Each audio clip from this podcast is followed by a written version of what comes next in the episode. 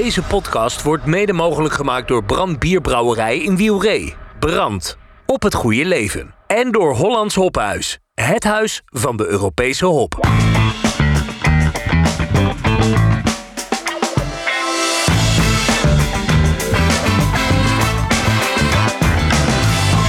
Welcome to the Brewpod. Ja, inderdaad, dames en heren. Welkom bij de Bierradio Brewpot, de podcast talkshow van bierradio.nl. Dit is een maandelijkse podcast, steeds vanuit een andere brouwerij in Nederland of België. En vandaag zijn we te gast bij de Delftse Brouwers in Delft. Met als hoofdgast de brouwer-eigenaar John Brus. En onze tweede gast is ja, onze influencer, zoals we dat altijd zo mooi noemen. En dat is zeker Lucie Wigboldes, scheidend directeur van Nederlandse Brouwers. En een zeer invloedrijk persoon dus in de Nederlandse bierwereld. Nou, daar gaan we haar straks ook over ondervragen. Mijn naam is Fedor Vogel, uitgever, hoofdredacteur van Biermagazine, Brouwmagazine en Bierradio.nl. En de techniek wordt als vanouds verzorgd door Bob ten Breeën. Voordat we onze gast gaan interviewen, beginnen we met het laatste biernieuws. Bierradio.nl Biernieuws. Vanaf de redactie van Biermagazine.nl Ja, het laatste biernieuws. Wat is voor jullie het belangrijkste biernieuws van de laatste tijd? Zo, nu is het gelijk Ja. stil. Ja, Wie begint? Nou, ik moet eerlijk zeggen dat ik eh, niet direct iets in mijn eh, gedachten heb van... oh, dat is het belangrijke biernieuws. Ja, voor mij is echt het nieuws dat, dat we gewoon weer, weer terug zijn op het niveau eh, van voor de crisis eh, eh, van 2019. We brouwen weer net zoveel, dus dat is eigenlijk heel fijn nieuws. Dus Ja. dat is voor mij echt wel het nieuws. die had ik inderdaad bovenaan staan. Ja. De bierkerncijfers Ja, die jullie de deze week hebben eh, Ja, gepubliceerd. precies. Dus daar zijn, ja, dat is heel fijn. Dat we weer op het niveau zitten. Hoewel, hoewel er nog heel veel eh, zijn, maar daar zullen we het zo ook wel over Ja, ja, ja, eh, hebben. zeker. Maar Ja. in ieder geval is dit het eh, echte nieuws. Ja. En daarnaast denk ik ook dat eh, alcoholvrij bier heel erg eh, blij- blijft groeien. En ook speciaal bier eh, groeit enorm. Ja, dat vond ik ook Dus, inderdaad heel opvallend. ja, de de speciaal bieren en de laag alcoholische Ja, bieren, dat die echt enorm in de lift zitten. Ja, die zitten echt enorm in de lift. Ja. Dus, eh, dus ja, dat is mooi nieuws. Mooie ontwikkelingen, ja, mooie ontwikkelingen. Ja. Ander nieuws, Abdij van Achel van de week verkocht aan een ondernemer. Wat vinden jullie daarvan? Achel is nu geen trappist meer. Ja, nee, ik heb het gelezen. Ja. Ik, ik, eh, ja, wat vind ik? Ik, ik denk dat het een beetje in de trend is van, eh, van eh, twee dingen. De eerste is afnemende aantal eh, monniken in, eh, in kloosters. Ja. En de tweede trend is dat er toch wel best wel wat overnames eh, zijn geweest van Ja. kleinere brouwerijen Ja. in, eh, in Nederland en wereldwijd eigenlijk. Ja. Spannende ontwikkelingen. Kijken hoe dat allemaal Ja, in de toekomst zich gaat, eh Ja, gaat het belangrijkste is ontwikkelen. wat gaat het voor het bier doen en dat, ja, dat, dat weet je nu nog niet. Nee, nee, nee. Wat ik ook opvallend nieuws vond, eh, we hebben het net over alcoholarm en alcoholvrij bier. La Chouffe komt met een alcoholarm bier van 0,4 procent. Wel of verrassend voor Chouffe. Of eh, vinden jullie dat een logische ontwikkeling? Ik vind het eigenlijk wel eh, eh, logisch, want het is een trend hè, waar we het net over hadden. Ja. Die je ziet, het komt gewoon ste- steeds meer. De consument vraagt er steeds meer om. Dus ja, je ziet steeds meer alcoholvrije varianten. En eh, ja, dit, dit is daar weer een voorbeeld van. Ja. Die meedoet aan de trend eigenlijk. Ze kunnen niet ja. achterblijven eigenlijk. Ja, hè? Eigenlijk eh, eh, zit dat dan zo, ja. Ja, het is een enorme, enorme trend. En ik vind ook inderdaad helemaal geen slechte trend hoor, als ik eerlijk ben. Oh. Eh, niet dat ik er zelf gelijk aan mee ga doen als ik echt ook eerlijk ben. Maar ehm, ik vind een betere trend dan dat we jaren geleden hadden met eh fruitradlers bijvoorbeeld. Ja, ja, ja, ja, eh, ja. Dat soort dingen. Dat, dan maar beter mij- gewoon bier met wat minder Ja, alcohol. Ja, ja, ja, ja. Eh, wat ik ook opvallend nieuws vond, crowdfunding acties eh, opnieuw van Frontaal en Two Chefs Brewing. Dat blijft maar doorgaan daar bij Frontaal. Hè? Met eh, de ene crowdfunding actie naar de andere. En weer anderhalf miljoen geloof ik die ze eh, gaan ophalen. Wat, wat vinden jullie daarvan? Is dat een, een goede ontwikkeling? ja, natuurlijk. Grote plannen. En ik, ik vind dat eigenlijk heel erg goed voor eh, de bier, eh, ja, hoe ik noemen, de, de bierwereld. Bierwereld, voor, ja. eh, eh, brouwerijen die mooie bieren maken en eh, proberen om eh, te groeien. Eh, en daarmee ook een grotere markt te benaderen eh, en, en, aan, en mooie bieren aan te kunnen bieden. Ja. Ik vind dat zeker geen slechte ontwikkeling. Nee. Eh, ik vind het ook wel een hele eh, risicovolle misschien poging. ja, Maar ja, ik weet juich het toe. nou, mooi.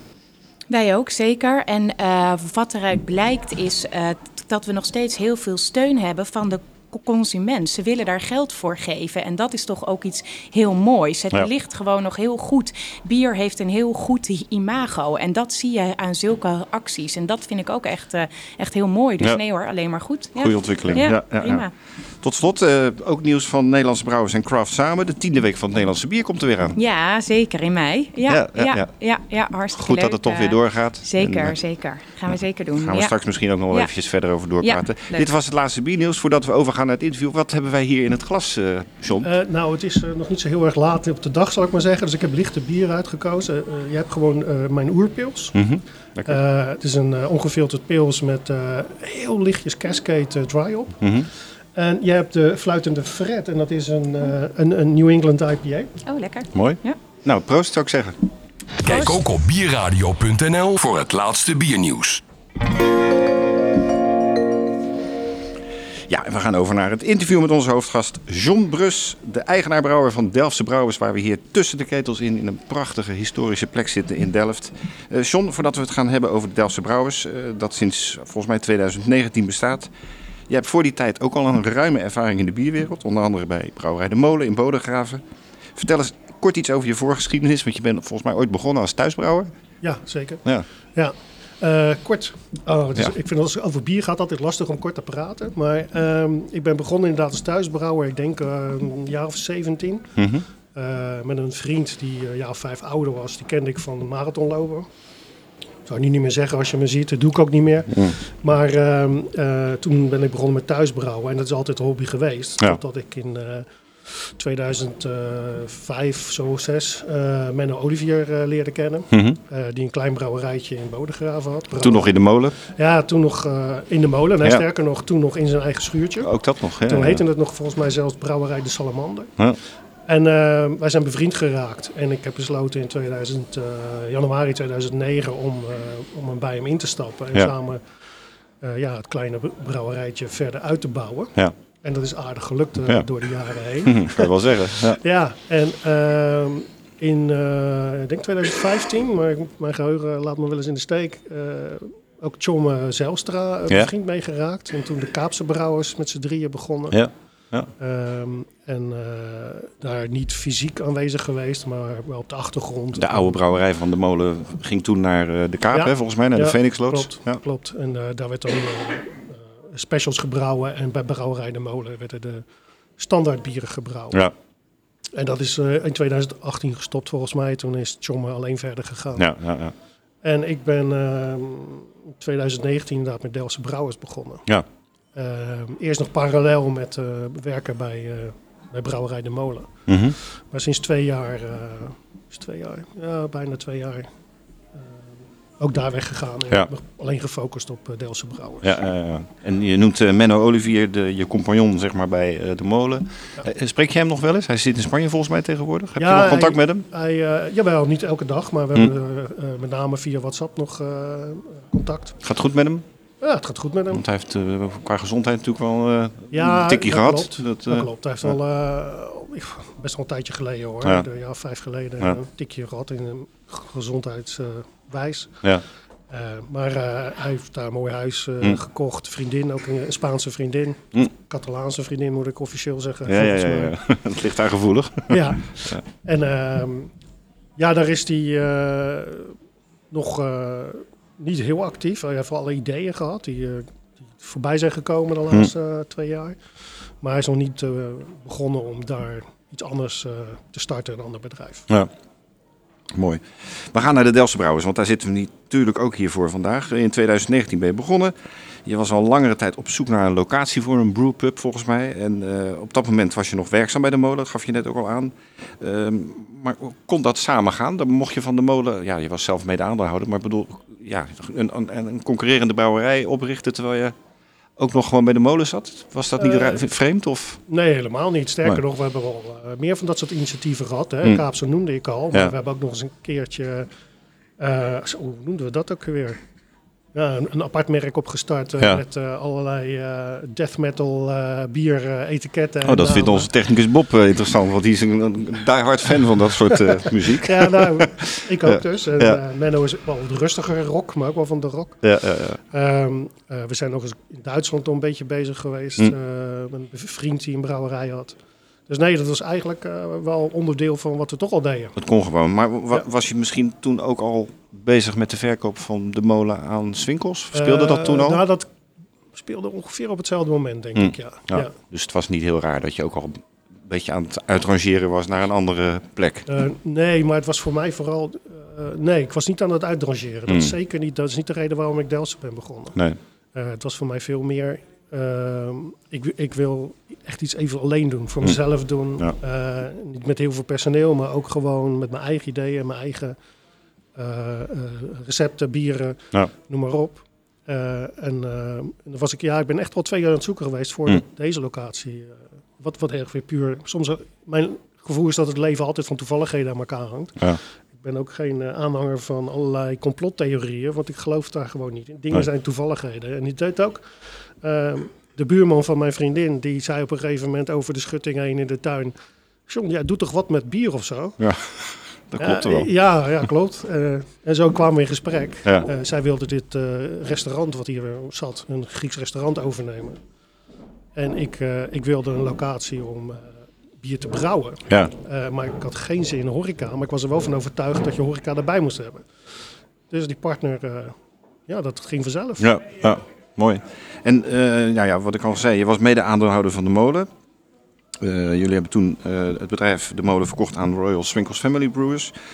Betekent dat dat je toen ook een zakcentje had om, om deze mooie brouwerij te beginnen? Of, of Ja, tuurlijk. dat speelde wel mee? Het- Ja. Nou ja, dat, dat klopt. was wel handig. eh, het ook wel minimalistisch is gedaan hoor. Ik weet niet Ja. of je de installatie hebt gezien. Het is niet geen eh brouwkom van twee ton of zo. Er Nee. staat echt een, een Engelse, alles handmatig systeem. Ja, Om twee redenen. Prijs, maar ook gewoon omdat ik het leuk vind om dat te doen. Op die manier weer terug naar de basics. ja, ja, ja, ja. dat is mooi. Ehm, waarom wilde je zo graag een brouwerij in Delft beginnen? Jouw, jouw geboortestad ook, hè?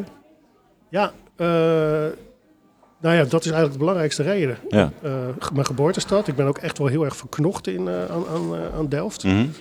Mijn wat mijn vriendin nog was, zijn we drie jaar geleden ook getrouwd in Delfts Blauw bijna, kleding. Mhm. Ehm, en ja, Delft is gewoon een prachtige stad. Ja. Eh, he- heeft ook volgens mij veel potentie, zeker voor een, een, eh, een brewpub of eh, wat dan Ja. ook. Met alle toeristen, studenten, eh, noem maar op. Ehm, en er was niet zo heel veel. Nee. Ehm, bierfabriek, wat ja, toch een keten is. Hm. Eh, de Koperen Kat, die eh, een beetje buiten de stad, buiten ja. de stad eigenlijk zit en in de stad ook niet zo heel erg vertegenwoordigd is of was. Nee. En nu, eh, eh, ja, voor mij was het gewoon leuk om een brouwerij neer te zetten in mijn geboortestad, Ja. waar je naartoe kan fietsen eh, en, enzovoort. Mooi. Ja. Het begon allemaal met het Delfts Brouwhuis. Je noemde het net al. Je, en een aantal vrienden uit de horeca die jou benaderden. Hoe, hoe kwam dat? kwam- man of vier volgens mij, als ik het goed gelezen heb. Dat, hoe kwam dat samen? Hoe, eh, Nou ja, zoals ik zei, de, over de schutting van de over tuin. de schutting van de Ja. tuin. En ehm, zij hadden al horeca hier in Delft. Mhm. En eh, wilden graag iets doen, maar dan met, eh, met meer met bier. Hm. Eh, ze- tapten natuurlijk altijd wel heel Ja. veel bier, maar gewoon één merk. Bierbeleving. Eh, maar echt meer bierbeleving en niet meer ja, vier taps met een pils, eh, een, een seizoensbier en een blond of zo. Maar, Nee. Dus nu zijn er hier twintig taps. Ja. En waarvan er over het algemeen zo'n veertien Delftse brouwersbieren zijn. Mooi. En daarnaast altijd gastbieren. Hm.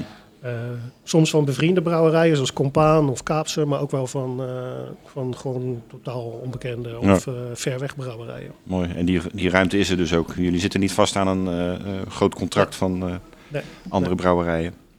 Jullie zitten in een historisch pand hier aan de, het heet de Hippolytusbuurt geloof ik. Hè? Ja. Dat, hoe, zit dat met die bierhistorie hier? Want er zijn ook allerlei dingen eh, qua opgravingen gevonden. Kun je daar kort iets over vertellen? Zonder Ja. die hele geschiedenis te gaan eh, uitweiden. Nou, in kort, ja, Delft is sowieso natuurlijk al een stad met eh, enorm veel historie. Hè? Met, met Willem van Oranje die er is neergeschoten. En gewoon een oude, oude stadsrechten. Mhm. Ehm, in de jaren tachtig zijn, ja, je kan het zien, hier een pleintje voor ons, zijn de resten gevonden van, zover ik weet, de oudst bekende brouwerij van Nederland. Ik meen uit de 11e of 12e eeuw. Ja. Eh, er zijn fundamenten van gevonden. Daarna is het weer dichtgegooid en eh, tegel, of steentjes eroverheen. Ja. Eh, maar ook inderdaad bij de verbouwing kwam er hier een hele oude kelder tegen. Die eh, eh, oorspronkelijk van een klooster is geweest uit de 13e eeuw. Zo. Eh, maar volgens de archeoloog ook een lange periode brouwerij is geweest. Mhm. We hebben er een bierpil gevonden in de puinzooi van, eh, uit de 15e eeuw. Bijzonder. Ja, dus het, is, eh, het ademt echt heel veel geschiedenis. Ook als je hier op het eh, terras zit, dan ja, met die kerk, eh, de scheve Oude Jan en noem maar op. Ja, ja. Er is heel veel biergeschiedenis. En Delft was ook echt een enorme bierstad. Ja, ja, ja. Ja. En je hebt ook nog heel veel oude Delfts blauwe tegeltjes gevonden, vertelde je net voor de, Ja. voor de uitzending. De- Ja, tijdens de, de, de verbouwing werd dus die kelder ontdekt. Die is in de 18e eeuw dichtgestort Mhm. met puin voor die tijd. En dat was onder andere inderdaad heel veel deels blauwe tegels. Ja, ja, ja. Maar ook eh, eh, kloostermoppen heet dat. Dat zijn die platte, brede eh, bakstenen. ja. Er ook heel veel in. Dus ja, het was acht maanden lang centimeter voor centimeter uitruimen. Ja, ja, ja. Maar goed, dat gaf natuurlijk wel een, een goed gevoel dat je hier een brouwerij ging starten. Dat het eigenlijk ook nog een soort historische brouwerijgrond is. Ja, klopt. En ehm, ja, die historie hebben we ook een beetje in, eh, in het hele concept eh, meegenomen. Alle etiketten bijvoorbeeld va- bevatten details Mhm, van die oude omgeving. Eentje bevat de oude tegels die in de kelder liggen. mhm. Een stukje muur. eh, de oude, oude ramen van de oude kerk. Ja. Dus op de etiketten ja, gebruiken we die historie ook. Het is een leuk, leuk verhaal Ja. voor, voor de brouwerij. Mooi. En het plein hier wordt ook wel het Brouwplein genoemd, klopt Ja. dat? Hoe, eh, ja, is dat alleen vanwege jullie brouwerij of heeft dat, heeft dat meerdere redenen? Eh, nee, dat is wel de, nou, de brouwerij. En er zit eh, op de hoek heet, eh, café, die heet ook de Oude Jan. Ja. Naast de Oude Jan uiteraard. Ja, ja. Ehm, en die werkten heel veel samen. Het deelde van de eigenaar is ook dezelfde eigenaar. Mhm. En ja, er wordt gewoon altijd heel veel gedaan op biergebied. ja, vandaar het Brouwplein. mooi. Prima naam wat mij betreft hoor. Dus, je kocht een, je zei het zelf al, een Engelse brouwinstallatie van 650 liter. Waarom inderdaad Engels? Inderdaad omdat het zo handmatig is en zo lekker... Ja, eh, voor mij wel één belangrijkste reden. Ik ben ook enorm fan van klassieke Engelse bieren. Mhm. Het is ook een heel erg Engels systeem. eh, wat inhoudt dat je eh, geen schroep hebt, geen, geen roer hebt in je maisketel bijvoorbeeld. Het is een drijvende mesh, nou, een drijvende mais, single mesh. Mhm. Eh, en dat, zijn, dat limiteert je, maar ik vind dat ook ja, eigenlijk heel erg fijn om te doen. Ja. Eh, zeker voor Engelse stijlen kan je daar eh, eh, ja, vrij klassieke Engelse bieren mee maken. Ja. Wat ik graag doe. Engelse klassiekers, Duitse klassiekers, dat zijn toch mijn favorieten. Ja, ja, ja. En dat zijn ook de bieren die ik eh, veel al maak, moet Ja. ik zeggen. En die, die Engelse brouwinstallatie, is dat nieuw of heb je dat tweedehands gekocht? Of nee, dat is helemaal nieuw. helemaal nieuw. Ja. Ja. Ja. Dat is eh, heel leuk. Dan komen ze drie dagen lang om alle leidingen aan te sluiten. Ja. En eh, eigenlijk twee dagen. En dan krijg je één dag brouwcursus Hm. op het systeem. En dan moet je het zelf gaan doen. Ja, maar ja, goed, dat gaat dan in het Engels beter. Want ik kom ook veel bij brouwerijen, die hebben dan Chinese apparatuur. Dan krijgen ze een soort Chinese handleiding erbij en dan, dan stopt het al gauw. Dan is het lastig, hè? ja, Engels, eh, Frans, Duits, Spaans lukt nog wel, maar Chinees... ja, nee, ja, ja. Nou, je gaf zelf al aan eh, ehm, dat- je inderdaad veel zelf brouwt. Doe je echt alles zelf of heb je ook een collega brouwer? Of, Nee. of, eh, Ik doe echt alles zelf. alles zelf? Ja. Ehm, ik heb wel eh, heel, bijna een wachtlijst van mensen die zeggen, mag ik een keertje meebrouwen? ja, ja. En dat, dat gebeurt dus ook heel regelmatig. Ja. Klanten soms, familie, vrienden. Hm. Ja. Maar En collabs? Eh, en collabs, ja inderdaad, heb ik een paar keer gedaan. Eh, twee keer met de Australië, eh, Australische vriendin, Mhm. eh, die ook bij de molen een tijdje gewerkt Oh heeft. ja. Eh, die heeft zijn eigen brouwerij aan het opstarten. Mhm. Eh, Better Together heet dat. Oké. En met eh, Goodland Brewing uit Australië, eh, dat is Jimmy Krekelberg. Die heeft ook bij de molen een jaar stage gelopen. Eh, en die was hier voor Boris Bierfestival. Oké. Ja. Dus ja, toen gelijk eh, contact opgenomen met me. ja. En uh, van, ja, Brouwen, samen we samen wat maken. Ja, ja, ja. Ja, wat je net zelf ook al zei, eh, jullie bieren passen allemaal in de klassieke stijlen. Dat vind ik dan eigenlijk wel weer bijzonder, want dat is heel wat anders dan wat jullie bij de molen deden. Want dat zijn juist niet klassieke stijlen die daar gebrouwen werden. Van waar, Ja. ja, je zegt dat het is jouw persoonlijke voorliefde, maar zit er ook een bepaalde andere gedachte achter? Ja, zeker wel. Eh, nou, om het heel hard te zetten, was ik, zeggen, was ik eh, de craft beercultuur een beetje zat. Hm. Ehm, kijk, bij de molen, toen we begonnen, was het, eh, maakten we ook gewoon Old English, of nou geen Old Ale, maar Strong English Ale. En eh begon ook wel met IPA's en double IPA's. Ja. Ehm, stouten natuurlijk en dat soort bieren. Eh, en op een gegeven moment ga je verder met experimenteren. Maar naar mijn gevoel is echt een beetje doorgeslagen Hmm. op een gegeven moment. Al die bieren met potjes, weet ik veel, pecan extract en potjes dit en potjes dat. En, Ja. Eh, eh, New England IPA's, nou dat, dat is deze absoluut niet, die, die zitten drinken. Bier met gebakken vleermuizen, zoals Peter Rauwe dat altijd zo mooi noemt. Ja, maar gebakken vleermuizen, ja. Maar ook eh, als het smaakt naar een mango sapje, dan kan je net zo goed een mango sapje drinken, Ja, naar mijn gevoel. Dat, zijn toch, dat, dat, dat is toch niet helemaal mijn ding. En ik ben in het begin echt begonnen gewoon weer met een Weizen, een blond en een, een pils, Ja. triple. En natuurlijk maak ik ook wel eens iets bijzonderder. Ik, weet, nou, ik heb eigenlijk niet zo gek in de tank zitten nu. Een zwarts bier en, Ja. een, en een pils eh, die ik wel ga drooghoppen. Bijzonder. Maar ehm, ja, ik, ik hou gewoon van die klassieke bieren. Ja. Gewoon doordrinkbaar.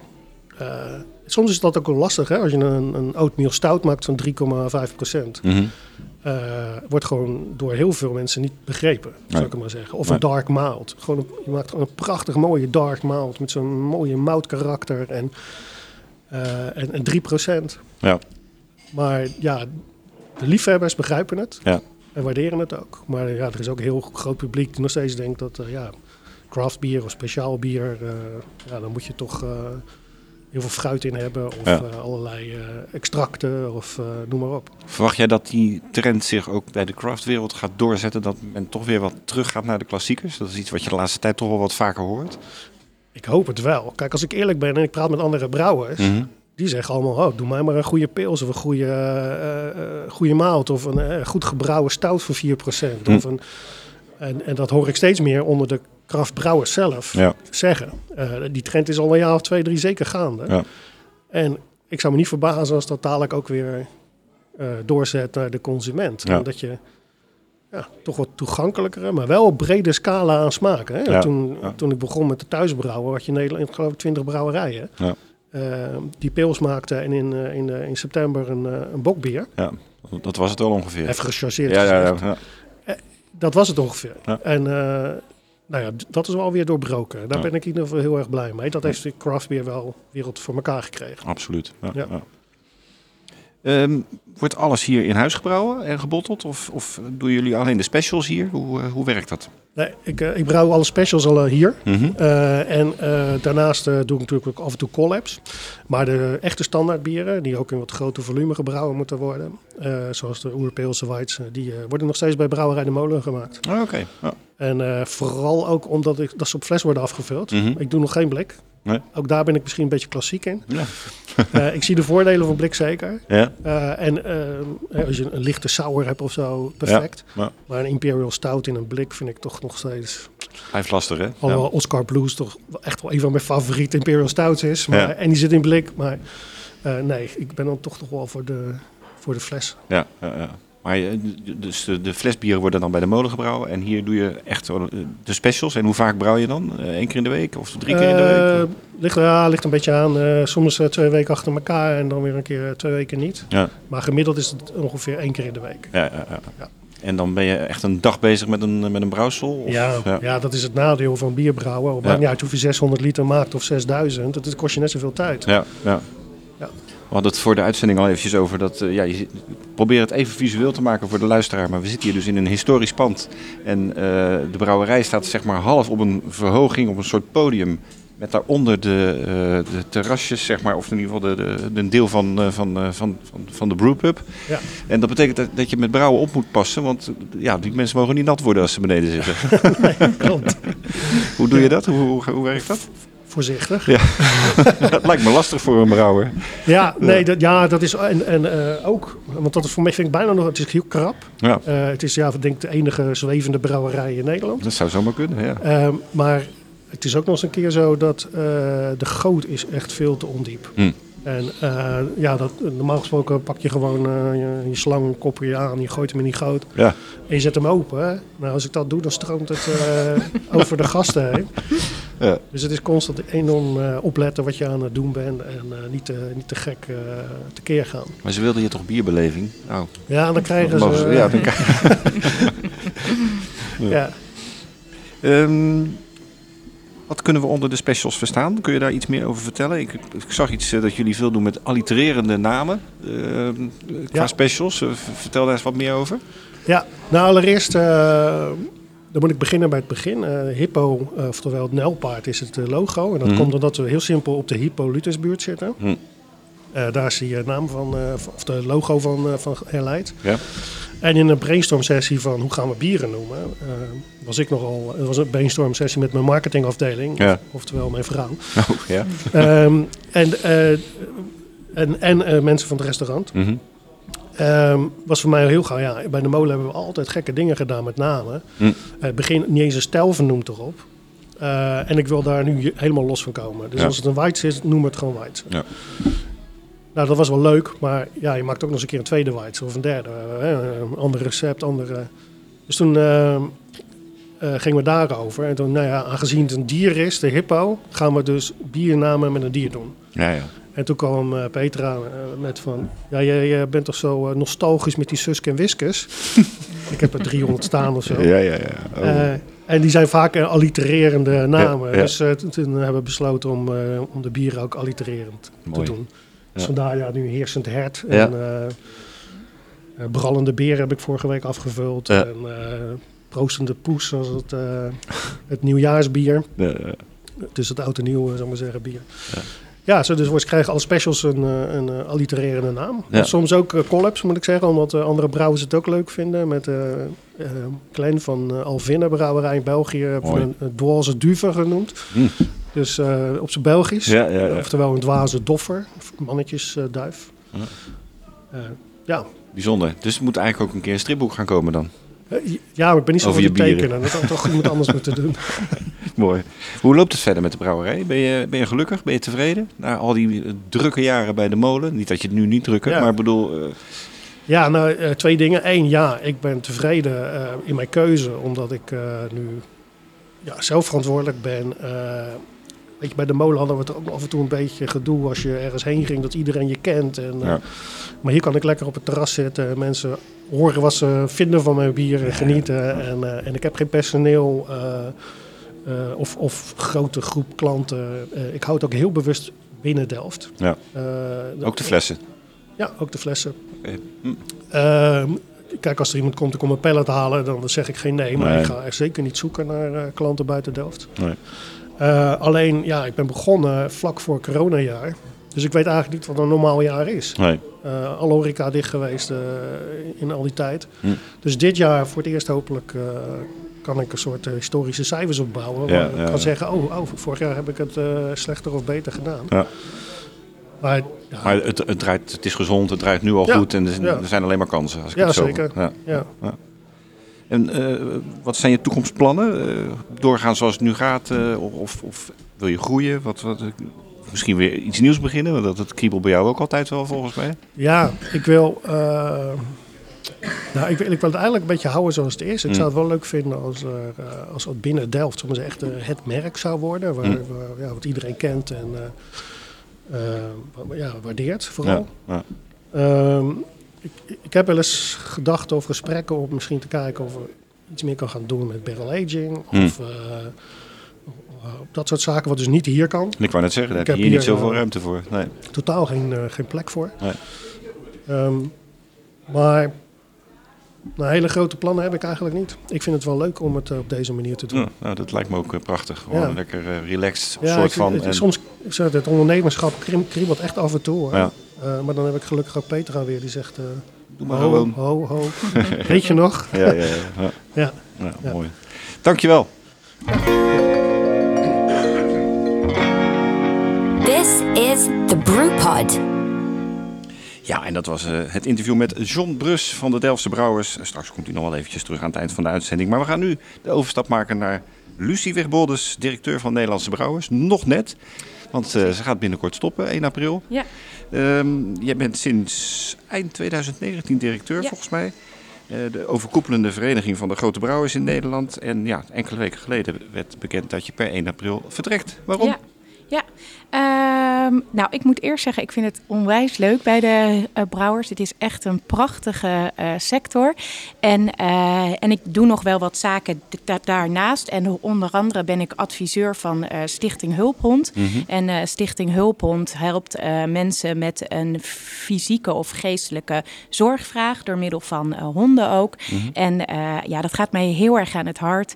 En, en daar gaat de algemeen directeur weg. En toen vroegen ze, zou jij directeur willen worden? Ik heb er heel lang over na moeten denken. Ja omdat ik bij, bij de brouwers nog, uh, nog heel veel plezier heb. En ik het een hele mooie sector vind. Ja. Uh, uh, maar ik ga het wel doen. Ja. omdat Stichting Hulpond is echt een hele mooie or organisatie ook. Dus, en je bent dus waarschijnlijk zelf ook hondenliefhebber, mag ik aannemen? Ik ben onwijs hondenliefhebber, inderdaad. zeker, zeker. Ja. Dat moet dan wel natuurlijk. Je volgde destijds Kees van Adema op, die negen jaar directeur was. kwam je toen in een gespreid bedje? Nou, zeker. Hij had het, het zag er... Het, ja, het zag eruit als een gespreid uh, petje, moet ik zeggen. Maar mm. toen ik startte, ja, begon na vier maanden, denk ik vier, drie maanden startte corona toen. Ja, en toen was het bedje eigenlijk weg, want toen kregen we heel veel nieuwe zaken. Uh, um, uh, dat was natuurlijk heel moeilijk voor de sector, coronatijd.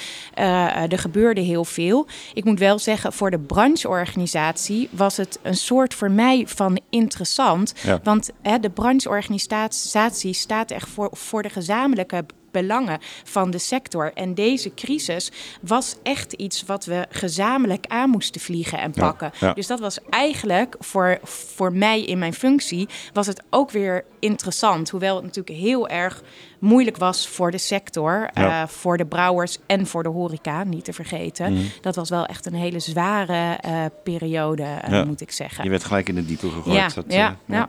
Zeker. Vroeger, vroeger praten we dan over. Ja. Toen de Nederlandse Brouwers nog CBK heette, het ja. Centraal Brouwerijkantoor. Toen uh, had die brancheorganisatie eigenlijk een heel andere functie. Mm -hmm. het, na de oorlog was het natuurlijk een grondstofprobleem. Uh, wat zijn de belangrijkste dossiers waar jij nu afgelopen jaren mee bezig bent geweest? En zijn er een stuk of drie waar, die nu heel recent uh, actueel zijn volgens mij. Ja, ja, ja. Het, het zijn er veel, maar mm. het is, het is statiegeld op blik. Mm -hmm. Komt in april en, en daar moet een heel systeem voor ingericht worden. Mm -hmm. er gaan 2,5 miljard blikjes zijn er op de markt. Dus dat is gigantisch. Dus daarmee, daaraan werken wij als brouwer samen samen met de uh, Vereniging voor Frisdranken, Waters en uh, Sappen. Mm -hmm. Samen met de supermarkten. Uh, en dan samen met het afvalfonds zetten we dit helemaal op. En dat is echt gigantisch. Ja. Dus ja, dat was, dat was heel groots eigenlijk. Is heel groot. wanneer gaat dat in? Gaat dat Vanaf in? april. Toch, hè? 1 ja. april, ja. ja. Dus als jij weggaat, dan komt het straks oh, ja, precies. Dan kan ik mijn blikje meteen erin gooien. Dus, dus dat heb ik samengebracht. nee. Misschien even tussendoor voordat we naar die andere dossiers gaan. Ja. De, hoe, hoe, hoe, blij zijn de supermarkten hiermee? Want die, moeten, die krijgen de naast de flessen en, en de, de, de petflessen, die krijgen nou ook nog eens de blikjes erbij. Ja, die, die zitten er volgens mij niet echt op te wachten, of wel? Nou, zaten ze niet, inderdaad. Maar zij, uh, uh, zij begrijpen nu ook... Hè, dat het eigenlijk alleen maar zo kan. Ja. Um, uh, dus ja, daar gaan ze mee uh, starten. Wat hartstikke fijn is dat zij dat willen doen. Ja. Want het is natuurlijk ook voor hun echt heel veel werk. Ja. Zij moeten al die blikken terugnemen. Ze moeten dat verwerken. Ja, dat, dat is heel veel werk voor hun. Dus daar zijn wij ook dankbaar voor dat zij dat uh, willen doen. En hoe gaat dat in praktijk werken? Want bij flessen en bij petflessen zit natuurlijk zo'n zo'n streepjescode op. Komt dat op blik ook? Komt op blik ook. Ja, dus ook een mag... streepjescode gooi je er gewoon in. Zelfde zelfde machine. Hm. En daar gooi je hem in en dan krijg je uh, je bonnetje en dan kan je gewoon uh, je geld terugkrijgen. Als maar wat heel veel mensen doen met een blikje, die verfrommelen ze of dan, ja. dan gaat hij er waarschijnlijk ja, niet in. Dan zie je de streepjescode niet meer. moet heel blijven, ja. inderdaad. En dan kan hij erin. Dus dat is even een gedragsverandering. Uh, die zal daarvoor nodig zijn, inderdaad. Daar maak ik me ook wel zorgen om. Hopelijk dat de consument het snel ziet. Ja, dat je dat niet moet verfrommelen, maar dat hij er gewoon heel in moet, inderdaad. Maar dat moet even bij de consument, moet dat, moet dat eh, gaan landen. in het hoofd eh, komen, inderdaad. dat is wel een hele belangrijke, inderdaad. Ja. Spannend. Nou, we hebben één dossier gehad. Volgens mij is er nog iets met accijns aan de hand. Accijnzen, eh, ja, in 2024 gaan we accijnzen of gaat de overheid de accijnzen hebben op, heffen op het alcoholpercentage in plaats van eh, Plato. Zij hebben altijd gezegd dat ze dat op een budgetneutrale wijze willen doen. Wij hebben dat met onze cijfers hebben wij het ho- onderzocht en wij komen dan op een 5% accijnsverhoging voor de gehele sector, waarbij, eh, waarbij die overstap voornamelijk de hoogalcoholische bieren eh, raakt, want die gaan nog meer financieren daarvan. Ja. Dus voor de brouwers die voornamelijk hoogalcoholische bieren eh, brouwen, komt er echt een accijnsverhoging aan. Ja.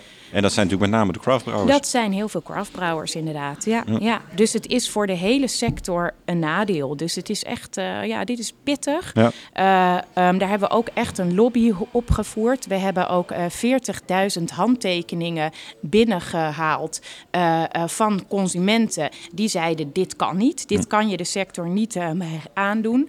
Ehm, we hebben wel een jaren uitstel, maar ja, het komt er wel. Ja. Ja. En eh, dan is er nog iets met alcoholvrij bier. Eh, Ja. en en eh, ja. accijns. Ja, accijnzen ook nog eens inderdaad. Ehm, ehm, want in het co- coalitieakkoord eh, wordt, de, wordt de be- belasting op frisdranken verhoogd.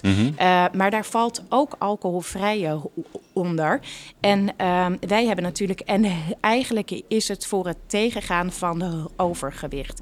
En wij zeiden meteen, ja, mis je niet je doel als je dan alcoholvrij bier wordt daarmee ook duurder. Terwijl we juist alcoholvrij bier als middel inzetten om alcoholmisbruik terug te dringen. Ja, ja. En eh, eerst zei de staatssecretaris ehm, op een vraag eh, die, die gesteld werd in de Kamer, zei de staatssecretaris.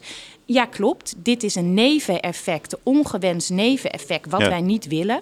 Eh, uiteindelijk kwam hij daarop terug en zegt hij: nee, er zit wel suiker in alcoholvrij bier, dus het is, is logisch.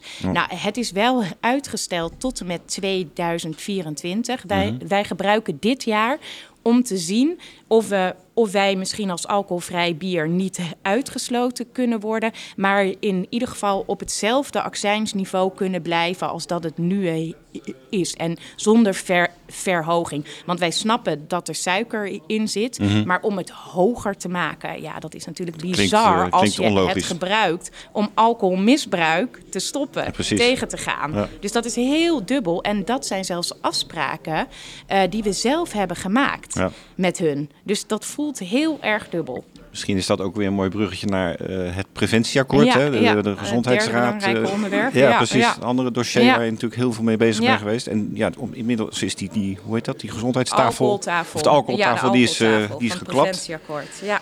Hoe is dat gegaan? Ja, die is geklapt. Kijk, in het begin, eh, als zo, zoals ik het zie, in het begin zaten we aan een ronde tafel. Je zit daar samen en wat het doel was, is het tegengaan van problematisch alcoholgebruik. En dan zet ik even de nadruk op problematisch.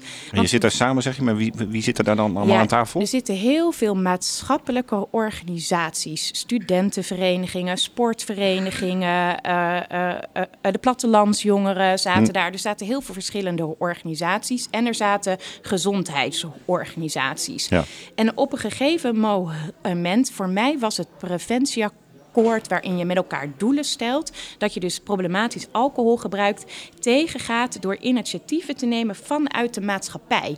Dus je kijkt wat kun je met elkaar doen als maatschappij, wat kan je met, met sportverenigingen doen, dus zonder wetgeving om problematisch alcoholgebruik tegen te gaan. Want Ja. wetgeving ligt bij de staatssecretaris. Wetgeving ligt in de Tweede Ka- Kamer. Daar maken ze die. Maar Ja. wat kunnen we nou als maatschappij doen? Nou, op een gegeven moment, dat ging goed. Maar er ontstond eh, nou ja, de afgelopen jaar, twee jaar misschien een sfeer... dat dat, dat mensen tegen alcoholconsumptie waren. Ja. En dat wij maar moesten... Ja, maar het gaat over problematisch alcoholgebruik. Maar eh, er zaten organisaties aan tafel die wilden dat, dat de alcoholconsumptie ging dalen. Ja, en dan kom je hè, dan, dan kom je in een, in- op een punt dat je niet verder kan praten. Nee. En daarnaast ging het op een gegeven moment ging het alleen maar over wettelijke maatregelen. Prijsverhogingen, eh, eh, accijnsverhoging. eh, waar mag je het nog, eh, nog krijgen? Waar, waar is het verkrijgbaar? En dan kom je op een punt dat het niet meer over die initiatieven gaat, maar Nee. alleen maar over wetgeving. Dus in, ik vond het goed, die tafel. Maar zoals het afgelopen twee jaar ging, snap ik dat het gestopt is. Hm. Ja, ja, ja. Want, want dat werkt gewoon niet. Dan praat je niet meer met elkaar, maar dan word je, ga je een soort strijd aan die tafel voeren. Ja, daarmee kom je niet verder. Nee. Maar dat is wel heel zonde natuurlijk. En het is natuurlijk ook logisch dat je als Nederlandse brouwers daar ook een ander standpunt in hebt. Natuurlijk Ja. eh, wil je betrokken zijn bij maatschappelijke eh, ontwikkelingen, maar je hebt ook wel een, een eh, je bent niet voor, niet voor niks de vereniging van de Nederlandse brouwers. Ja, zeker. Daarna, ik, ik, ik moet wel zeggen dat wij nog steeds achter die doelen staan. Want als Hm. Nederlandse brouwers zijn wij echt, en ook als brouwers, problematisch alcoholgebruik eh, is er. En dat willen we niet. Hè. Dat is ook niet goed voor de sector. Dat is niet goed voor de gezondheid van mensen. Nee. Dus dat wil je echt niet. Eh, maar daarnaast dat je geniet van een glas bier. En dat het gewoon op een goede manier kan. Ja, daar staan wij gewoon voor. En dat Ja. mag ook. En dat vinden ook heel veel mensen. En die gezondheidsorganisaties, of heel veel, geloofden daar. Ja, ik zeg gezondheidsorganisaties, dat moet ik ook even zeggen. Dat is ook niet helemaal waar. Want er zijn heel veel gezondheidsorganisaties die dat wel vinden. Het waren meer de anti-alcoholclubjes, zoals Ja. ik ze eigenlijk wil noemen. Ja. Want gezondheidsorganisatie is eigenlijk geen terechte naam. Want er zaten ook hele, er zitten ook hele goede aan tafel. Dus dat is helemaal niet zo. Maar de anti-alcoholclubjes die echt willen dat je geen drup meer drinkt, ja, daar kan je niet mee verder komen. Nee, nee, nee. Want daar geloven wij niet in. Nee, logisch. Nee, begrijp ik. Is Nederlands Brouwers in die zin eigenlijk steeds meer een lobbyorganisatie geworden richting politiek en stakeholders? Eh, waren we altijd, denk ik, ook al. Dus ik Hm. denk niet dat dat meer is. Ehm, eh, ja, ik vind, eh, ik vind lobby, hè, de hank, zo alcohollobby begint zo'n negatief gevoel te, te, te krijgen. Maar die komt op voor de belangen van de sector. Ja. maar daarmee ook voor de belangen van de consument, van de bierdrinkende consument, die Ja. gewoon op een hele bewuste, verantwoorde manier geniet van een lekker glas bier. Ja. En als dat niet meer kan, ja, wat doen we dan met elkaar? En ik merk wel dat daar zat wel een enorme eh, splitsing tussen wat er in de maatschappij plaatsvindt en wat er in het Haagse wereldje plaatsvindt. Daar. Ik schrok daar best wel van toen ik startte. Dat er wel zo'n anti-alcoholsfeer kan zijn. Ja. Terwijl, en dan ga je weer naar de kroeg en dan is het daar gezellig. En iedereen geniet gewoon van een lekker glas bier. Zoals het dus, hoort. eh, zoals het hoort, inderdaad. eh, waar we, wat gewoon mag, ja. Onder jouw voorganger Kees-Jan en eh, daarna onder jouw bewind zijn er ook enkele nieuwe, kleinere leden toegetreden. Zoals het Uiltje, Brouwerij Noord, Van der Streek. Compaan ook volgens Ja. mij. Wa- Waarom is dat gebeurd? En zijn hun belangen niet heel anders dan die van, van de grote pilsbrouwers? Nou, er zijn de nou, belangen zijn denk ik juist hetzelfde. Daarom Mhm. gebeurde het. Eh, eh, eh, denk ik, het was eigenlijk ook een vraag van de brouwers zelf. Die vroegen van, ja, wij willen graag de informatie die jullie hebben, die willen wij graag. En we willen graag meesparren en meepraten. Ehm, eh, dus zo ging, ging het. Dus, dus ja, dat is heel waardevol. Ja. Want je bent er wel voor de hele sector. We werken ook heel veel samen met Craft. en daarvan zeggen wij nu ook heel erg duidelijk: Craft, Craft is een andere organisatie dan de Nederlandse brouwers. Hè? Eh, Craft staat echt voor de, voor de craftbrouwers, laat ik maar eh, eh, eh, zeggen. En volgens mij, als, zoals we nu doen, heel goed samenwerkt, is Ja. dat juist heel erg mooi dat dat samen gaat. Ja.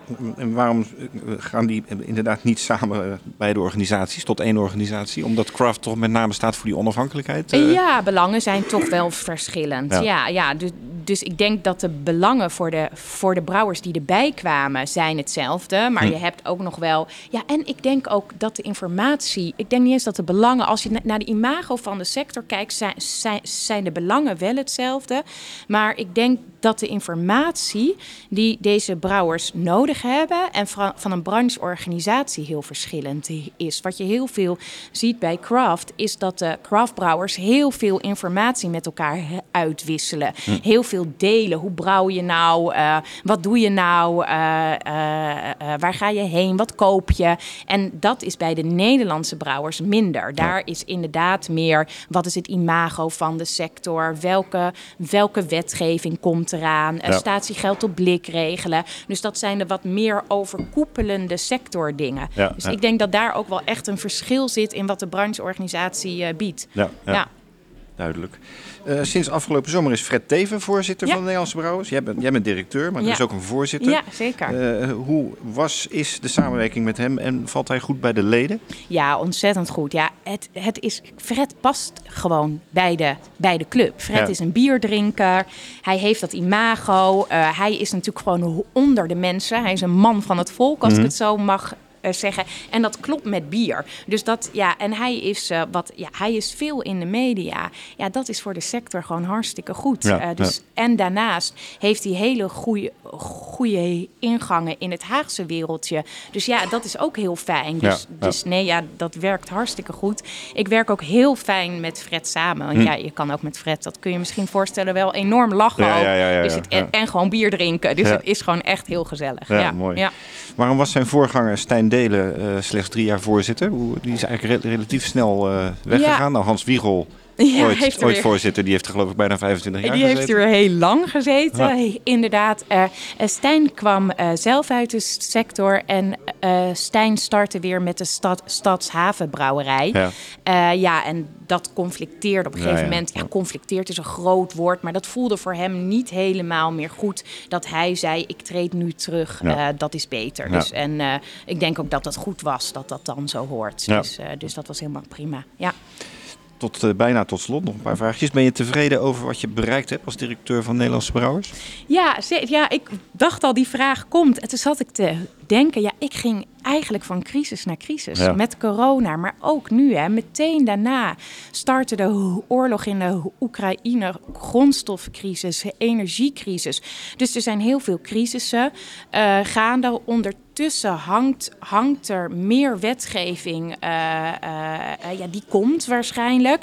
Ik denk wel dat we dat allemaal op de lange baan hebben kunnen schuiven. En dat we wel hebben kunnen laten zien ook hoe weerbaar de sector is, ook in die crisis en uh, dat moet ik ook zeggen, dat vind ik ook echt heel knap van de sector zelf, dat je dat zag. Zowel, zowel de, de craft, de kleinere brouwers, als de grote brouwers. Iedereen gaat maar door met een goed gevoel, zo positief. En, uh, en dat hebben we heel goed kunnen laten zien. En ik denk dat het nu de taak is dat we dat blijven laten zien, dat de, dat er, dat de sector al heel veel doormaakt. Hm. dat is heel belangrijk. Ja. ja. En is jouw opvolger al bekend? Nog niet. Echt niet? Nee, echt niet. Komt wel. Ik hoor nog wel eens verhalen dat... Uh, bezig. Ze zijn druk bezig. Dat Fred Teven misschien ook gewoon die directeursfunctie kan gaan doen, of niet? En nee, er komt een directeur. Er komt een nieuwe Fred directeur. is echt de voorzitter van de vereniging. Heeft zelf ook een baan, dus ja, nee, ja, komt gewoon. Ja, ja. Tot slot, ga je de bierwereld missen? Ja, zeker. En ik blijf zeker bier drinken, want uh, het blijft ontzettend lekker natuurlijk. Dus ik ga het uh, missen, maar het blijft in mijn leven, laat ik het zo zeggen. Ja. Veel succes met de honden. Dankjewel. Dankjewel. Ja, en zo zijn we bijna aan het eind van deze Bierradio Brewpot. Leuk dat u weer luistert trouwens. Eh, we gaan eh, nog even het laatste rondje doen. Trouwe luisteraars die weten dat dat altijd een beetje ludieke vragen zijn. En uh, ook gewoon interessante vragen. John, wat is het belangrijkste nieuws waar jij nu mee bezig bent? Nieuwe bieren. Ja, vertel, vertel. Ik ben constant bezig met nieuwe bieren. Ja. Uh, ik maak ook in deze installatie hier nooit hetzelfde bier. Nee. Altijd wat nieuws. Ja. Uh, ik heb nog veel, uh, veel ideeën. Uh, bier met nou ja, vier graden seizoen is eigenlijk de volgende die ik wil maken. Ja. Ehm, ik heb nog gedachten over allerlei andere klassiekers, maar ik, ik, ik, ik vind het lastig om, om de keuzes te maken. Mm -hmm. en soms is het ook lastig omdat je, als je iets wil doen met een Weitzer, dat kan niet op deze installatie. Nee. Dus je moet daar ja, voorzichtig... je concessies in doen. ja. ja. Lucie, wat vind jij de beste ontwikkeling op biergebied in Nederland?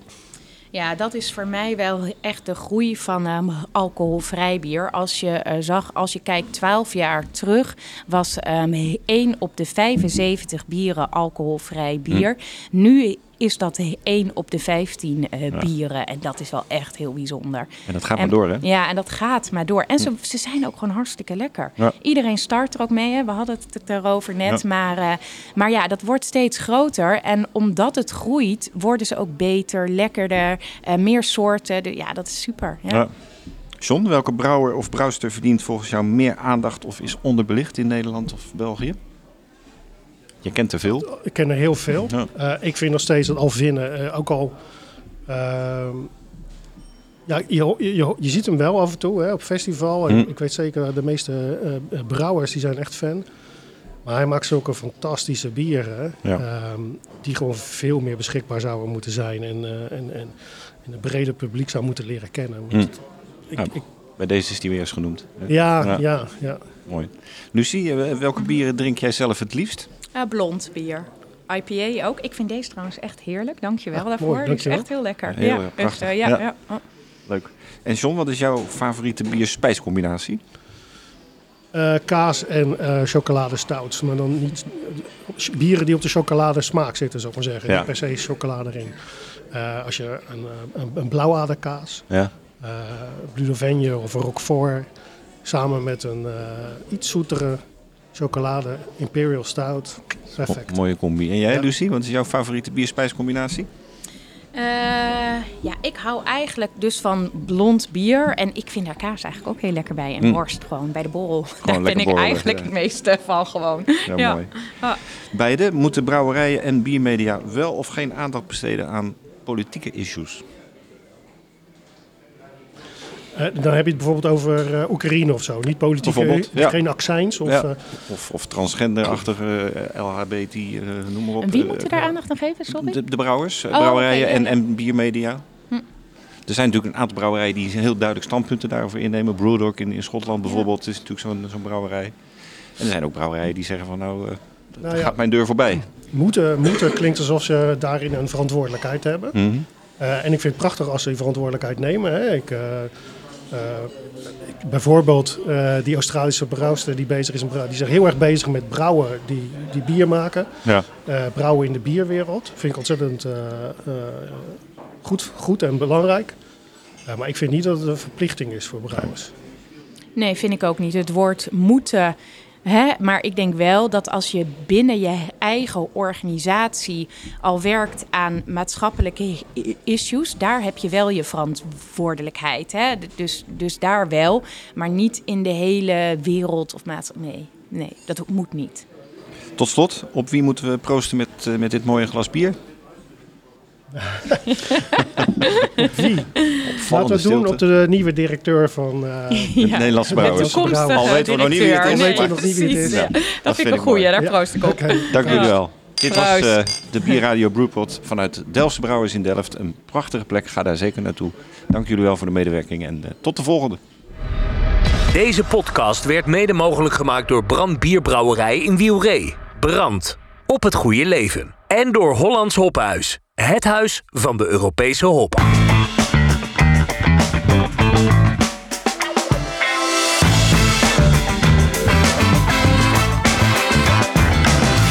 Thanks for listening. Until next time at the Brewpod.